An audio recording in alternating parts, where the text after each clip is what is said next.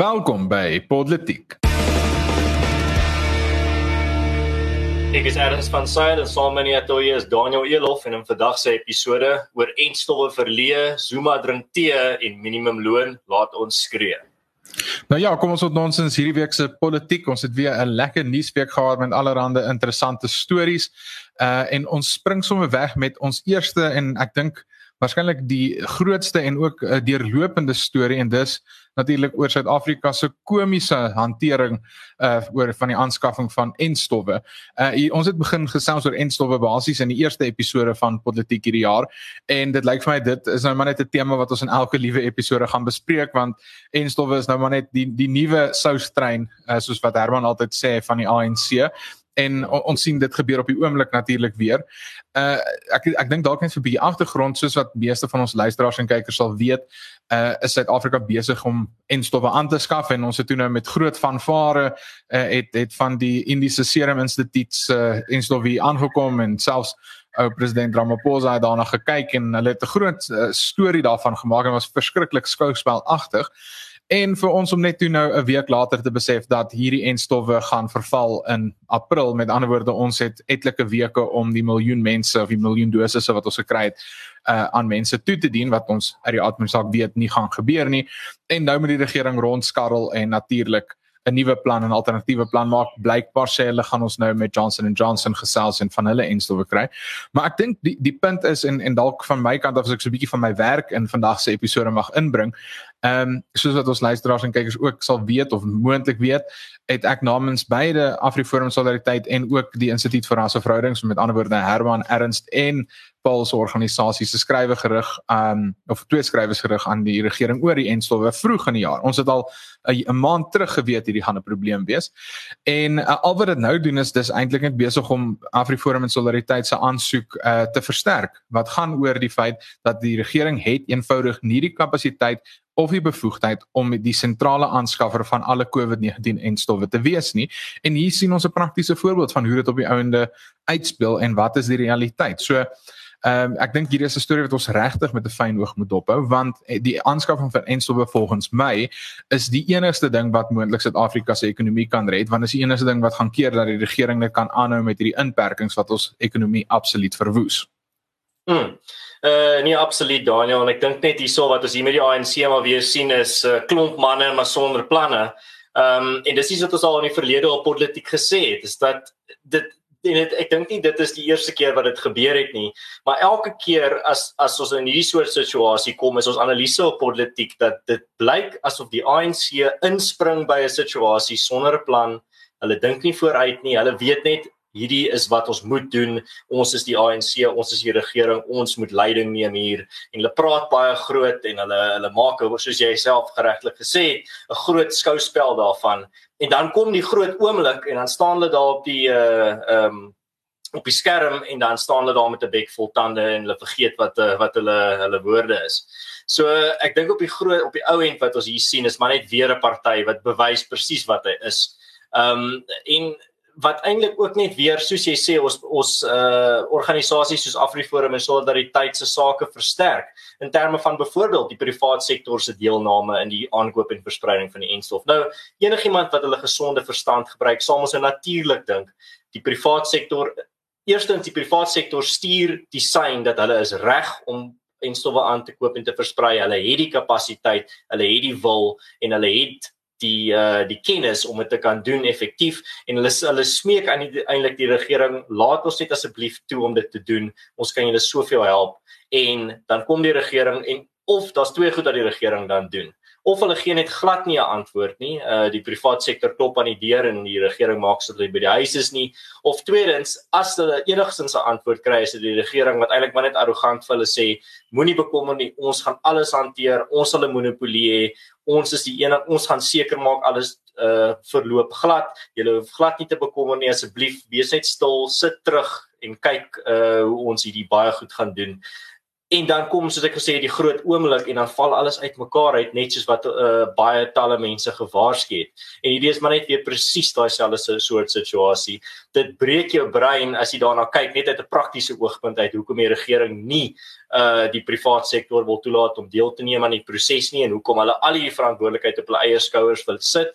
Maar soos ek al voorheen gesê het, as jy uit 'n ideologiese oogpunt daarna kyk, maak alles ongelooflik baie sin. Hierdie is 'n regering wat dit baie meer belangrik ag om hulle mag te konsolideer en te sentraliseer as om enigsins van daai mag op te gee, selfs al sal dit lewens red. En ek dink dis presies wat ons hier sien aan die gang is. Ek ek stem met jou saam, Ernst. Ek dink dis dis 'n dodelike mengsel van uh hierdie absolute ideologie, die feit dat hulle uitsluitlike beheer oor die soustrein wil hê. Hulle wil die bestuurder van daai trein wees sodat hulle kan bepaal wie by die trein kan inklim, opspring en afspring en by die trein kan vat wat hulle wil. Uh, en en ongelukkig uh, is die die probleem is ons kan soveel van hierdie rasionele argumente of feitelike argumente voer soos wat ons doen in ons hofstukke, maar die ANC hak by daai twee goed vas. Hulle ideologie en hulle behoefte om om te steel. Ehm um, die die die sleg net van hierdie is is ons weet dis wat die ANC se se beweegrede is. Uh, maar tog is daar mense wat op rasionele vlak hierdie besluit hierdie regering probeer uh ondersteun of regverdig. Maar vir die mense wat dink ja, dit klink dalk soos 'n goeie idee dat die regering dit moet doen en hulle ignoreer die onbevoegdheid en die ideologie. Uh, kom ons kyk net na 'n paar ander praktiese gedeeltes van van hierdie hele saak. Eerstens, die regering het nie die bevoegdheid om dit te doen nie. Uh, ek bedoel, dink dit gaan enige medisyne wat jy kan aanskaf op geen van daai ander medisyne se vlakke is die regering betrokke en sê hulle ons mag alleen hierdie medisyne aanskaf nie. So, hoekom is die uit, is daar nou uitsondering met die COVID en stof? Dit in die eerste plek. In die tweede plek, die regering is besig om mediese fondse se kontraktuele verpligtinge teenoor hulle lede absoluut te skend. Want uh, die uh, die COVID-19 en stowwe is 'n voorgeskrewe uh, minimum voordeel wat die uh, mediese skemas moet gee. Met ander woorde, as die regering hulle verbied om dit te doen, dan sal hulle besig om kontrakte breek. So dis in die tweede plek. Kom ons gaan kyk na 'n derde punt daarvan hierdie maatskappye en hierdie hierdie private entiteite het reeds die vermoë en die fondse om dit te doen. Met ander woorde, al wat hulle gaan doen is hulle gaan sorg dat die 20 miljoen lede van mense wat klaar privaat mediese fondse het, gaan uitgesorteer wees. Hulle hoef nie verder te bekommer nie. So die regering kan fokus op die kwesbare, minder bevoorregte mense wat hulp werklik nodig het. Ek ek bedoel dit maak net op geen vlak sin nie, maar die punt is dit maak sin sodra jy besef dit gaan nie oor feitelike argumente nie dit gaan nie oor rasionele besluitneming nie. Alwaar dit gaan is soos wat jy vroeër genoem het anders ideologie en om die soustrein uh, heeltemal leeg en droog uit te ry. Ja, en uh, as dit kom by die privaat sektor soos wat jy nou genoem het in terme van kap kapasiteit en uh, kundigheid, dit is geen geheim dat die dat die dat die private sektor reg is om die regering by te staan. Hulle kan dit nie duideliker maak dat hulle is oop vir die idee en reg vir die idee dat hulle gaan saam uh, in hierdie proses wil deelneem en kan deelneem en dat hulle sien hulle self as dat hulle 'n belangrike rol kan speel. So dis glad nie asof hier speletjies gespeel word nie. Dis glad nie asof die die private sektor geheimsinnig is oor die feit of regtig nie na die tafel toe kom nie. Hulle smeek eintlik die regering asseblief laat ons net toe om te help. Aan die ander kant as dit by die regering kom, is hulle ongelooflik geheimsinnig en hou hulle kaarte baie naby aan hulle bors. Ek bedoel, de, hulle het nou al briewe gekry van Solidariteit af, van Afriforum af, van die ERR af, van talle ander organisasies wat vir hulle vra: "Eerstens, asseblief sê net vir ons wat is julle plan? Tweedens, gaan julle rassekriteria gebruik in terme van wie hierdie enstof gaan mag versprei? Tweedens, gaan die privaat gaan die privaat sektor se rol enigsins wees?" En dan laastens wat gaan op die ou end die groter plan wees? Wat ga, wa, waarvoor mik ons? Wat is die eindpunt? Wat is die tyd? Wat wat is die sperdatum? Wat probeer ons regkry teen wanneer en hoe gaan ons dit doen? Al hierdie belangrike besonderhede wat heel maklik behoort te wees om te antwoord vir 'n regering wat wat regtig daar buite rondloop en sê maar ons weet presies wat ons doen. Julle hoef nie te bekommer nie. Ons is in beheer. Alles is perfek vir so 'n regering om dan te gaan stil sit en sê ag wat ons uh, moenie worry nie ons gaan nie vir julle enigiets sê nie. Ehm um, ons kan nie regtig vir julle sê nie of enigstens uh, nie eens uh, glad nie eens 'n antwoord op die briewe te gee nie. Dink ek is is vir my 'n baie sterk indikator van iemand wat eintlik nie weet wat hulle doen nie. Iemand wat aan die stuur van die van die boot is wat net regtig nie weet waartoe ons op pad is nie. Dit is nou regtig soos die ou wat wat nou baie uh, luitkeels was oor die feit dat hy wil die rugby kaptein wees, maar nou halftyd dan gaan vries hy daar as almal vir hom vra maar wat's die plan? Uh dan het hy regtig nie enigiets om te sê nie en dit is wat ons nou het hierso is eintlik 'n baie hartseer situasie van 'n regering wat soos jy gesê wat ons altoe en al gesê het so diep eerstens hulle hande in die sou strei net en tweedens so ideologies besete is dat ek dink nie hulle gaan van hierdie posisie af beweeg nie. Ek dink nie dis moontlik nie. Ek dink hulle sit vas nou in hierdie posisie waar hulle sit en uh, op die ou end ou end van die dag gaan dit lewens kos. Ek dink ons moet eerlik wees oor daai feit. Ja, dis dis die die snag waarvan is daar's 'n regtige ernstige realiteit hier aangekoppel en gevolge hier aangekoppel en dit is mense gaan sterf of ons word net al hoe armer. Uh, die die die sleg net is is die ANC is is absoluut komies onbekwaam. Uh, en ek dink ek sal met daai gedagte afsluit. Ek bedoel hierdie uh, het ons regte verwag dat dieselfde mense wat nie eers lokomotiewe kan aanskaf wat op spore pas nie, kan hierdie hele massiewe enstofveld tog uh, en projek kan behoorlik bestuur. Het ons regte gedink dat dieselfde mense wat nie eers baie se slaggate kan regmaak, gaan hierdie kant doen. Ek bedoel dis dis dis regtig net die die ANC is absoluut komies onbevoeg en hulle weet nie wat hulle doen nie en hulle hou vas aan hierdie ideologie van hulle. Maar gepraat van hierdie ideologie en waarvan hulle net so absoluut verbeter aan vashou. Ehm um, ons het nou weer hierdie week gesien dat daar absolute uitvloeisel is van hierdie ideologie wanneer dit kom by die minimumloon. Hmm.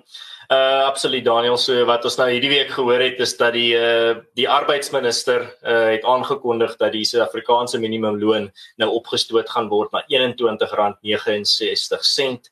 Um en ek dink regtig om bietjie meer tyd vir ons te gee vir analise in terme van hierdie beweging, dit is vir mense baie bizar. Ons het nou net gepraat oor 'n uh, gesonde verstand uh, in 'n land wat so 'n groot plaag van on uh, van werkloosheid het. 'n land wat nog altyd uh gesukkel het om regtig by uh, ontwikkelde land vlakke te kom van uh uh mense in uh werk werke gee is dit baie bizar om te sien dat men dat 'n uh, uh, beleid nou gevolg word wat meer werke gaan kos. Ek bedoel jy moet nou vir jouself vra waar gaan hierdie geld vandaan kom van die werknemers wat dan nou hierdie wille werknemers meer moet betaal? Wel, hulle gaan eerstens soos wat in elke geval is die sien soos klokslag gaan hulle mense moet aflê en mense gaan hulle werke verloor. So ja, dis baie lekker vir die wat hulle werke behou. Hulle gaan bietjie meer ekstra in hulle sak hê. Maar niemand praat van die ou wat nou niks in sy sak het nie. Dis nie eens asof sy salaris verminder word nie. Sy salaris word heeltemal verwyder.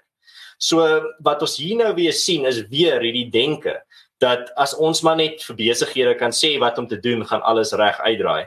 Maar in 'n land met 'n uh, meer as 30% uh in 'n land wat 'n uh, meer as 30% werkloosheidskoers het is dit net absoluut bizar om te laat dink dat dat hierdie enigstens die situasie gaan beter maak. Al wat dit gaan doen is dit gaan vir meer dit gaan daai syfer op opdruk. So vir my wat ek hierso sien is eintlik maar net weer 'n uh, regering wat nie regtig weet hoe die basiese uh, die basiese lesse wat mens leer in in jou eerste jaar van ekonomie uh van toepassing is op die regte wêreld nie en ongelukkig gaan daar baie mense in 'n tyd waar mense al klaar hulle werke verloor weens die staat van inperking uh ding is ek bevrees gaan hier nou nog meer uh hulle werke verloor en uh dis regtig hartseer om te sien in terme van die die gevolge wat dit vir ons samelewing gaan hê. Nee, my probleem met hierdie minimumloon debat spesifiek in Suid-Afrika, as ek bedoel die die debat is al holrig gery. Ons ons dis dis een van daai goed wat vir ewig dink ek omtrent in ons ekonomie klasse gedebatteer gaan word alhoewel ek dink dis ons het redelike klinkklare bewyse van watter kant werk of nie. Maar ehm um, ek bedoel en dan sal al hierdie grappies van as ons nou besig is, hoekom maak ons nie net die minimumloon 1000 rand 'n dag nie? Ek bedoel ja. wat keer ons hoekom stop ons nou by my verstaan die ja. wat 180 of wat ook al rand hulle dit nou gemaak het. Maar in Suid-Afrika is die debat selfs nog anderste, want Suid-Afrika se probleem is nie minimumlone nie, dis geen lone nie en dis presies waarna jy geraak het. Dis dis ons sit met 'n ongelooflike werkloosheidprobleem en ons spreek nie die werkloosheidprobleem aan nie. Dis waar die die ongelykheid begin. Dis waar die armoede begin. Dis waar die swaar kry begin. Die feit dat 30% en selfs meer van ons bevolking nie werk het nie. Ons ons jeug het nie 'n vooruitsig om werk te kry nie. Ek bedoel ons sit letterlik met mense wat gekwalifiseerd is, wat wat ambagte opleiding het en hulle kry eenvoudig nie werk nie. En die rede hoekom hulle nie werk kry nie is letterlik weens die hele verskeidenheid ekonomies rampspoedige beleide van die ANC wat keer dat die ekonomie kan groei. Ehm um, en en ons sit ongelukkig nou met daai gebakte pere en ons probeer op kosmetiese maniere op op tipe van hierdie uh, verstaan lekker mense laat lekker voel beleide uh, die probleem oplos, maar dit gaan nie eenvoudig nie die probleem oplos nie. Dis dis regtig maar ongelukkig net die hartseer realiteit. So uh, sodra ons ons moet die gesprek dink ek verander van minimumloon na geen loon het nie. Ons moet die gesprek wegvat van ongelykheid na armoede want dis die werklike probleem. Dis die goed wat regtig besig is om Suid-Afrika absoluut na oor die afgrond te stuur. En sodra ons nie daai verskywing maak nie, sodra ons nie eerlik is oor wat die werklike probleme is nie, dan gaan ons nie binnekort 'n oplossing of voorspoed kry nie. Ja, wel, de, jy het 'n nou 'n baie absurde voorbeeld ge, genoem van hom. Kom ons maak sommer die minimumloon R1000, maar as jy regtig kyk na hierdie soort probleemoplossing, gaan dit regtig oor jy moet kyk na die groter gevolge wat dit vir die samelewing en die en die, en die ekonomie het. Die eh, die domino effek amper. Byvoorbeeld nou, kom ons sê jy wil die probleem van werkloosheid oplos. Die dieselfde denke wat vir jou sê maar ons moet net die minimum om armoede oplos, moet ons net die minimum loon groter maak, is dieselfde denke wat sal sê maar om werkloosheid op te uh, op te los, moet ons maar net uh uh duisende Suid-Afrikaners wat uh, werkloos is bymekaar bring. Hulle 'n sloot laat grawe van Kaapstad tot by Johannesburg. Dit sal vir hulle werk skep en dan moet hulle weer as hulle klaar gegrawe het, moet hulle weer toegooi en dan word hulle betaal daarvoor. Dis dieselfde soort denke wat nie verder as net die absolute oppervlakkige kant daarvan kom nie. Ja, jy jy los die werkloosheid probleem op, maar maak dit re, enigstens regtig sin as jy na die groter prentjie kyk.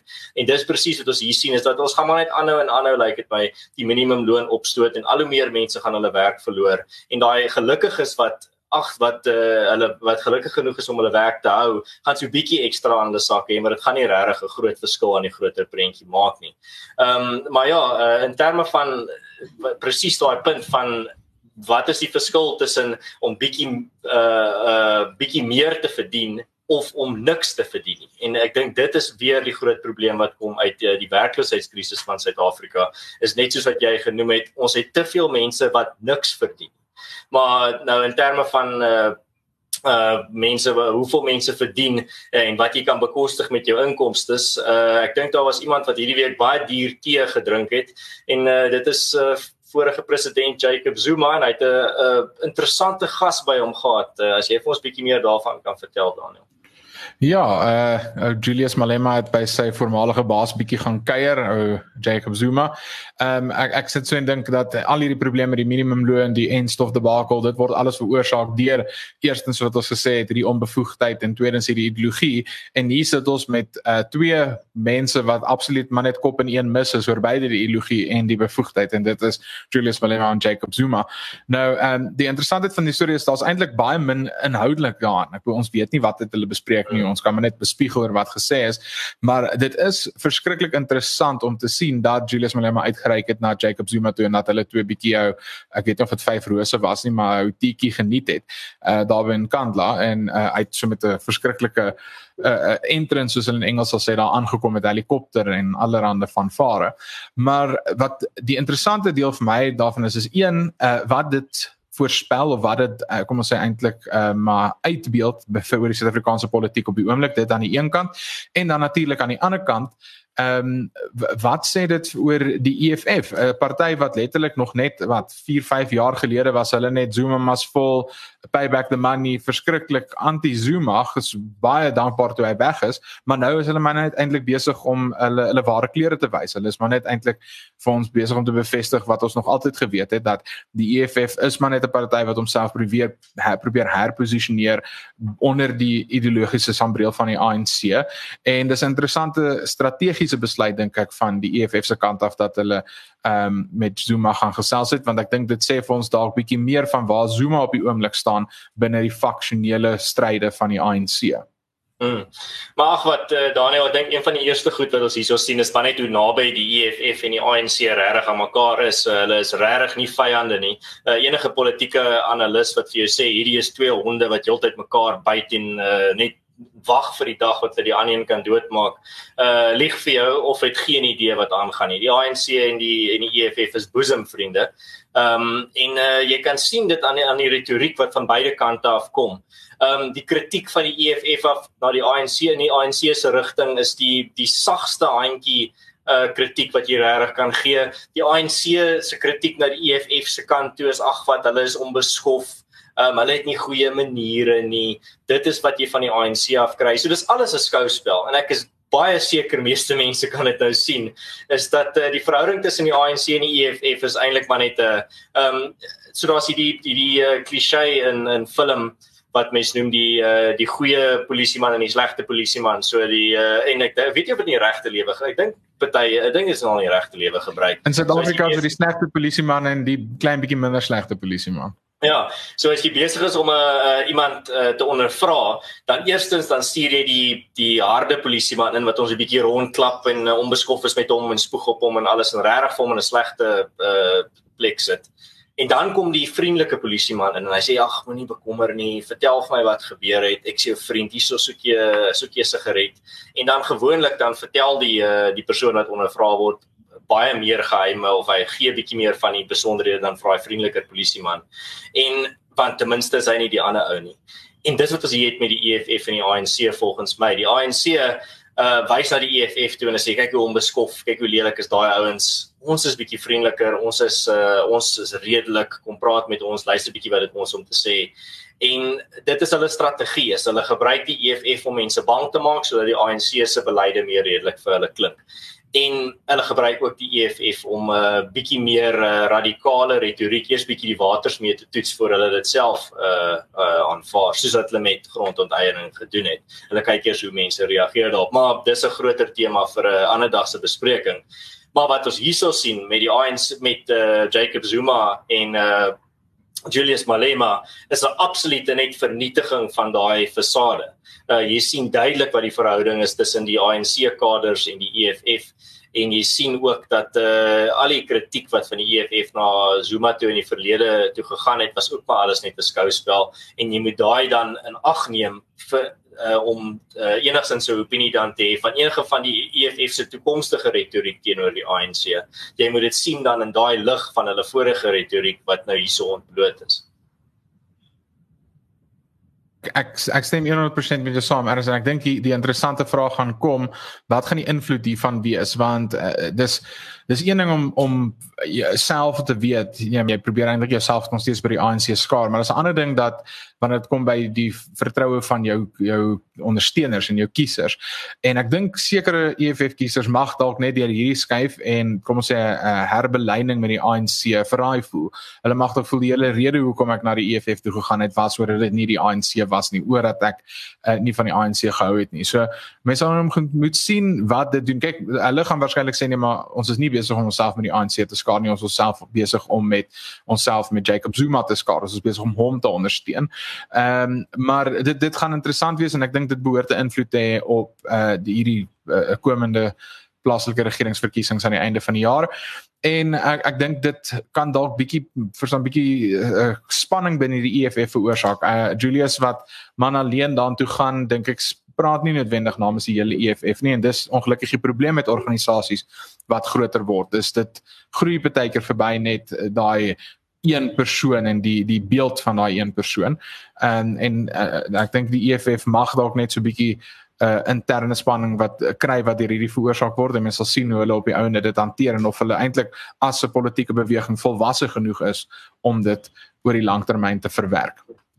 Wel, uh, my opinie is bietjie anders Daniel. Ek verskil in terme van ek dink nie die EFF ondersteuners uh, is so 'n groot daar's so 'n groot bedreiging vir hulle van skynheiligheid nie. Ek bedoel daar's al soveel keer uitgewys die skynheiligheid van hulle leiers uh, en dit maak nie regtig 'n verskil aan hulle ondersteuning nie. So vir my sien ek hierso weer die die EFF se party model is baie duidelik op ideologie gebaseer, maar op 'n ander manier is is natuurlik ander partye.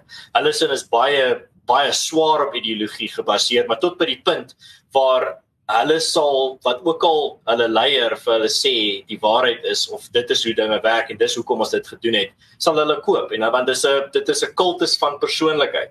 Jy het dit gesien met leiers soos uh, Nicolas Maduro in Venezuela en Hugo Chavez. Ehm um, dit maak nie regtig saak wat die leier doen nie. Hy is die leier. Hy is die groot leier en wat ook al hy doen welke niks niks wat hy doen kan verkeerd wees nie. So omdat die EFF hierdie ideologiese persoonlikheidskultus is kry jy hierdie uh, fenomeen waar die leier enigiets wat hy doen sal regverdig word as maar dit is wat hy hiermee probeer doen. Hierdie is eintlik dit is half daai logika van iemand wat probeer kyk na die daar was mense wat na die ANC gekyk het nou met hierdie enstowwe debakel en waar hulle gesê het maar eintlik is dit presies wat hulle beplan het en dit is presies uh hierdie is nou al lank beplan en alles wat ons nou hier sien rondom die enstowwe gebeur dis eintlik nie 'n ramp nie dis eintlik presies soos wat die ANC het beplan het. Dis dieselfde soort denkwyse wat wat hierdie EFF ondersteuners meeste van hulle dink ek hierdie situasie gaan mee benader is. Hulle gaan dit rasionaliseer en dit romantiseer en sê maar uh ek weet nie as ek myself nou na die skoene moet sit sal ek sê maar Zuma is die anti-Ramaphosa kandidaat binne in die ANC of die anti-Ramaphosa faksie. Daarom ondersteun ons vir hom want Ramaphosa is in mag en hy en Ramaphosa word beheer deur die hoekel. So ek dink hulle gaan dit heeltemal rasionaliseer. Ek dink daar gaan baie min uh, kontroversie binne hulle eie range wees weens dit.